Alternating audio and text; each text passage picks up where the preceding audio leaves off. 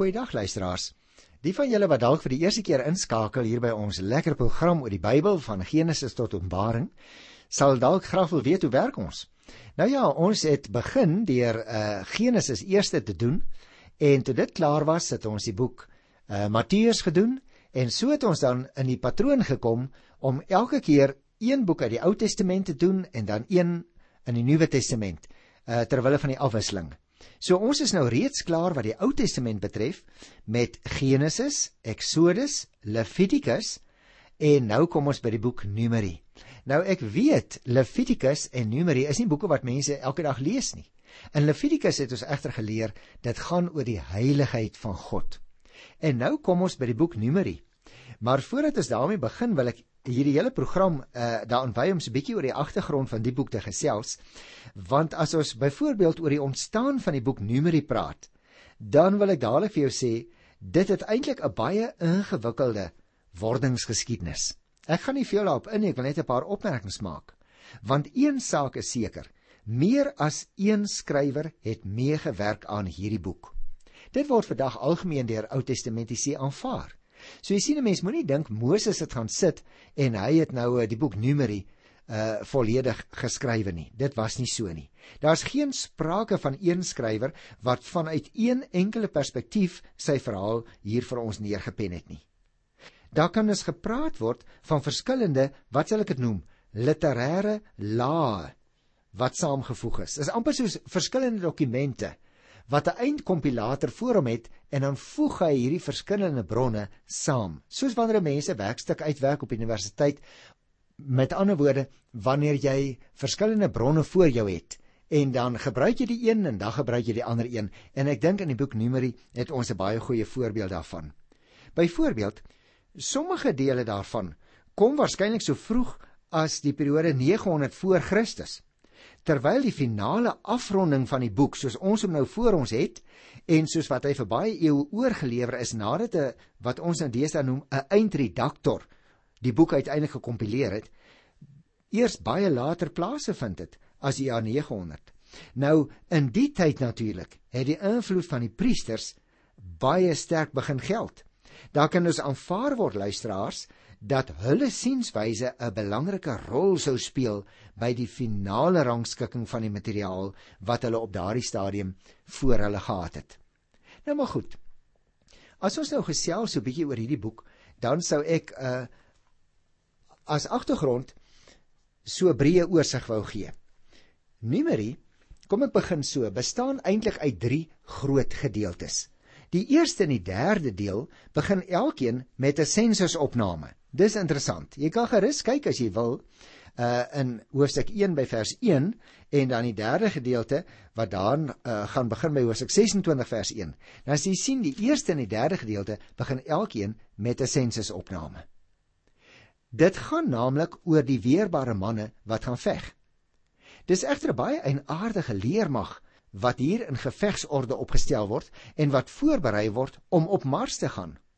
Jy sien luisteraar, in die middel van hierdie leer staan daar 'n heiligdom waarin priesters en leviete, met ander woorde geestelikes, voortdurend offers bring in die dienswerk vir die Here verrig. Selfs die volk bring van hulle oorlogsbuit na die tabernakel toe om daar geoffer te word in die woestyn. Hulle volg ook baie bepaalde regulasies om nie hulle God aanstoot te gee nie. Want onthou, God woon by hulle en hulle moet voor hom rein wees. Dit het ons uit die vorige boek Levitikus baie duidelik gehoor. Die Here is daar by die heiligdom aanwesig op 'n baie besondere manier en hy is saam met sy volk op trek na die land toe wat hy aan hulle gaan gee om in te woon. En daarom, soos 'n leeraanvoerder is die Here as dit ware by sy volk. Lei hy hulle en veg hy saam met hulle. In die tweede van hierdie drie groot dele van die boek word vertel hoe die volk nie regtig tot die besef kon kom dat God werklik by hulle is nie en dat dit hy is wat hulle deur sy krag lei nie. Hulle kom byvoorbeeld verskillende kere in opstand. Hulle kla baie kere oor als. Dit is asof hulle vergeet die Here is in hulle midde nie waar nie. Eers het hulle oor kos gekla, toe 'n bietjie later het hulle oor Moses se gesag gekla en Moses het vir hulle gebid Daarom het die Here tussen hakies nie die volk vernietig nie, maar slegs 'n groepie individue onder hulle gestraf. Ons gaan nou nog daarby uitkom uh, in die volgende programme, né? Toe hulle uiteindelik by Kades aankom, het Moses verkenners uitgestuur om die beloofde land te gaan verken. maar hulle hulle het vreesbevange teruggekeer. En hulle het vertel van die reuse, van die mense wat in huise woon, van die mense wat goeie wapens het daar in die beloofde land Kanaan. Joshua en Caleb sal jy nog onthou en ons gaan dit nog behandel, was die enigste twee wat die volk probeer oortuig het dat hulle wel die land kan inneem, maar dan sal dit moet wees met die hulp van die Here. En hierdie, wat sal ons dit nou noem in ons tyd? Hierdie minderheidsverslag van Joshua en Caleb het egter geen invloed gehad nie en die meerderheid se opinie is aanvaar. Daarom het die Here vir sy ongelowige volk gesê dat nie een van daardie geslag die land sou ingaan nie. En eers toe het die swerfjare eintlik begin. Jare wat gekenmerk is deur klagtes en ontevredenheid, opstandigheid en straf en die dood baie keer. Met ander woorde, ons moet baie goed verstaan, hulle het aanvanklik uitgetrek uit Egipte land en na ruk het hulle by Kades aangekom en daarna daarvandaan is die verkenners uitgestuur na die beloofde land. Maar juis omdat die volk die 10 verkenners wat gesê het, "O, ons sal nooit hierdie mense oorwin nie," juis daarom moes hulle toe as 'n straf vir 40 jaar in die woestyn gaan rondtrek.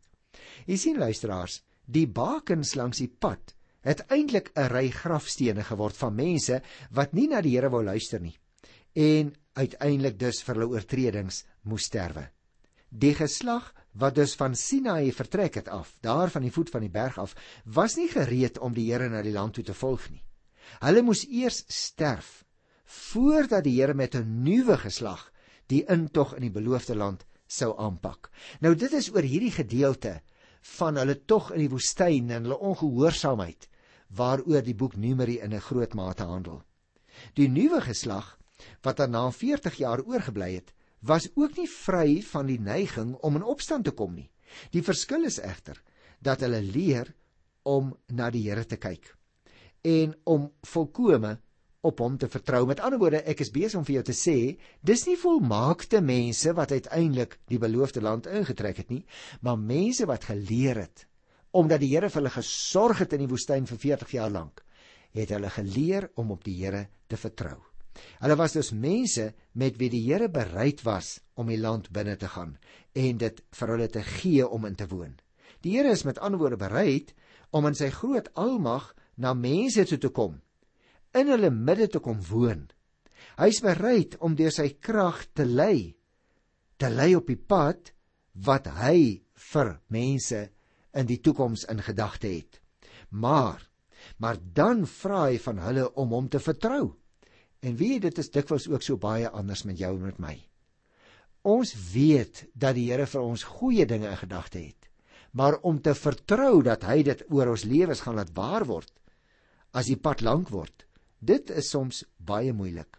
Jy sien, die Here verwag van hulle om na hom om te sien en om hom te volg op die pad waarlangs hy hulle gaan lei.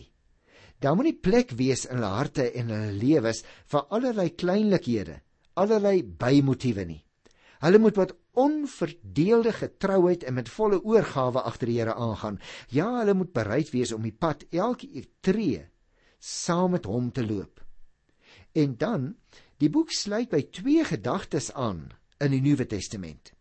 Die eerste een en ons gaan weer daarby kom, ek sal dit weer verduidelik wanneer ons daar kom. Die eerste gedagte is die belydenis dat God in Jesus Christus sy almag bevestig het bo alle magte en kragte in die hele heelal. En die tweede gedagte wat ek ook vir jou sal uitwys, uh, op grond van sekere gedeeltes in die boek Numeri, is dat daar geen plek is vir verdeelde trou aan die Here nie. Met ander woorde, die gelowiges moet hulle hoop en al hulle verwagting op die Here stel sonder om aan nog ander bysake vas te hou. En vir jou vir my wat nou al lank op die pad is as Christus gelowige mense wat die Nuwe Testament ook hoog ag, wat die Here Jesus persoonlik ken deurdat hy sy hand op ons lewens gelê het, vir ons in 'n verhouding met hom betrek het, vir ons is hierdie boek ewe belangrik. Want jy sien, jy en ek vergeet ook so dikwels die goedheid van die Here. Nie net die goedheid wat hy aan ons gedoen het in die verlede nie, maar ook dit wat hy vir ons in gedagte het. En daar raak ons soms opstandig, maak ons soms van 'n klein dingetjie met wat met ons gebeur 'n hele storm in 'n teekoppie. En so belemmer ons soms ons uitsig op die Here. As jy vir my sou vra nou, wat is die doel van hierdie boek dan? Dan sou ek sê ons kan dit so formuleer om te vertel van Israel se tog van Sinaï af. Hoe hulle teen God in opstand gekom het. Hoe God by sy woord bly om aan hulle 'n land te gee om in te woon. Maar dit eers vir 40 jaar uitstel totdat 'n nuwe geslag op die toneel gekom het. En is hierdie verhaal waardeur ons met mekaar gaan blaai in die volgende paar weke so die Here wil. Wat is die agtergrond van die boek? Die Sinai skiereiland. Dit wil sê daardie stukkie land waarna jy en ek vandag op die landkaart kyk en dan sê ons die Sinai skiereiland lê tussen die golf van Aqaba en die golf van Suez. Die golf van Aqaba, soos ons na die eh, landkaart kyk, lê regs en die golf van Suez lê aan die linkerkant. Nou daardie stuk gebied tussen daardie twee boonste vingers van die Rietsee of die Rooi See, wat ons die onderste gedeelte vandag nog noem op die landkaart, daardie gebied wat tussen die twee vingertjies, die golf van Aqaba en die golf van Suez lê, dit is die Sinai skiereiland. En hierdie 40 jaar wat beskrywe word in die boek Numeri, vind dus in daardie gedeelte van die wêreld plaas. Jy sien, ons praat mos oor die Bybel vir vandag. En daarom gee ek partykeer vir jou so 'n bietjie agtergrond, probeer ek jou net verduidelik waar het die geskiedenis en waar het die gebeure afgespeel in uh, die grondgebied wat ons dan vandag ken as die Sinai skiereiland. Dit wil sê as ek dit andersom kan kan verduidelik die suidelike woestynstreke van die land Israel en die gebiede oos van die Dooie See en die Jordaanvallei en die See van Galilea. Wat sou jy sê uh sou ons kon uitlig as die kernvers? Nou miskien is dit 'n onbillike vraag nê, want ons het nog nie die boek gelees nie. Hoofstuk 14 vers 11 word deur baie uh kenners van die boek Numeri beskou as die kernvers in die boek. Kom ek lees dit vir jou. Die Here het vir Moses gesê: Hoe lank sal hierdie volk my almag bly onderskat? Hoe lank sal hulle weier om my te vertrou ten spyte van al die wonders wat ek onder hulle gedoen het? Met ander woorde, ek dink dit is 'n kernvers luisteraar wat ook vir jou en vir my van baie groot belang is. Want dit geld ook vir ons, né? Die Here het al sulke wonderlike dinge aan ons gedoen en tog tog bly ons al ewig twyfel aan die Here. En daarom dink ek kan jy en ek ook 'n paar belangrike lesse uit hierdie wat sommige beskou as 'n droë stuk geskiedenis, die boek Numeri vir ons eie lewe haal. Ek wil dan net eers vir jou sê, wat is die drie hoofdele? Miskien het jy 'n potlood en 'n stukkie papier bydraand, skryf hierdie goed neer wat ons praat. Die uh, eerste van die drie hoofdele is die voorbereiding vir die reis. Mens kry dit van Hosea 1 vers 1 tot by Hosea 10 vers 10. Ek sal dit weer uitwys as ons daar kom. Die tweede groot deel is die reis deur die woestyn. En dit handel dan van uh, Numeri 10 vers 11 tot by Hosea 25 vers 18 en die derde hoofdeel van die boek is die tweede generasie wat dan voorbereidings tref om die beloofde land binne te gaan. En daardie stuk van die geskiedenis kry 'n mens uh, in Numeri 26 vers 1 tot by 36 vers 13 aan die einde van die boek. Nou dit was net so 'n uh, kort oorsig luisteraars en daarom wil ek nou graag uh begin met die eerste hoofstuk. Dit handel dus as groot opskrif oor die voorbereiding vir die reis verder. En dit strek van Hoofstuk 1 vers 1 tot by Hoofstuk 10 vers 10. En die eerste of onderafdeling wat 'n mens raak sien is van 1 vers 1 tot 449 waar daar gepraat word van 'n sensus van die volk en die ordening van die kamp. Nou omdat ons heel eers daarmee te maak gaan kry, wil ek net eers 'n opmerkingie maak oor die hele gedagte van 'n sensusopname. Jy sien, Moses het die Israeliete twee keer getel. Ek het net nou vir jou gesê aan die begin van die eerste gedeelte, maar dan aan die begin van die derde gedeelte, naamlik die tweede generasie wat voorbereiding tref om die beloofde land in te gaan, net voor dit gebeur, word daar ook weer 'n sensusopname gehou in hoofstuk 26. Ek kan dit gerus, daar gaan lees. Met die eerste sensus dan is die mense ingedeel in gevegseenhede vir die verdere opmars. Want onthou nou, hulle beoog nog dat hulle binnekort in die beloofde land gaan ingaan. Met die tweede telling word die mense dan voorberei om die land oos van die Jordaanrivier te verower. Dit was egter nie alledaagse leermag natuurlik nie, maar een wat met God as hulle aanvoerder opgeruk het.